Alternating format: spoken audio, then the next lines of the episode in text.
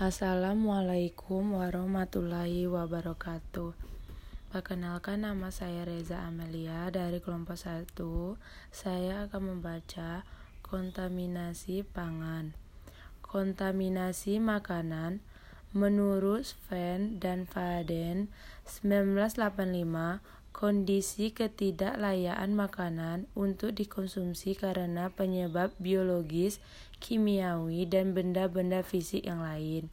Menurut Wonhiji 1992 berubah perubahan yang terjadi pada makanan atau bahan makanan sehingga tidak layak lagi dimakan manusia. Kontaminasi silang mencemarkan kembali produk pangan yang sudah bermutu dan aman oleh camaran-camaran fisik, kimia, atau biologis.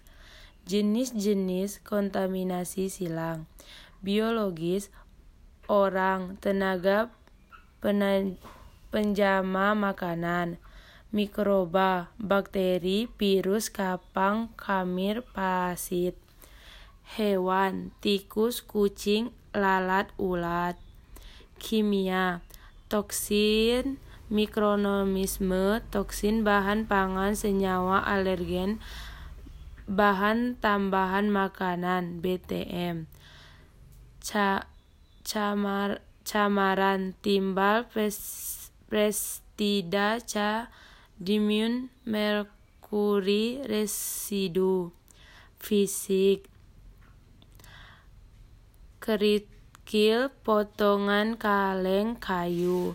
Rambut bulu kuku batu. Paku plastik potongan kaca perhiasan.